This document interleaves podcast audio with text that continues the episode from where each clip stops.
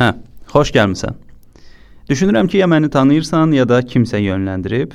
Mən təlimçi və sosial araşdırmacıyam. Burada isə özünü formalaşdırma və sosial psixoloji mövzularda fikirlərimi səsləndirirəm. Dinlədikdən sonra əgər fikirlərin olarsa, sosial mediadan mənə yaza bilərsən. Təşəkkürlər.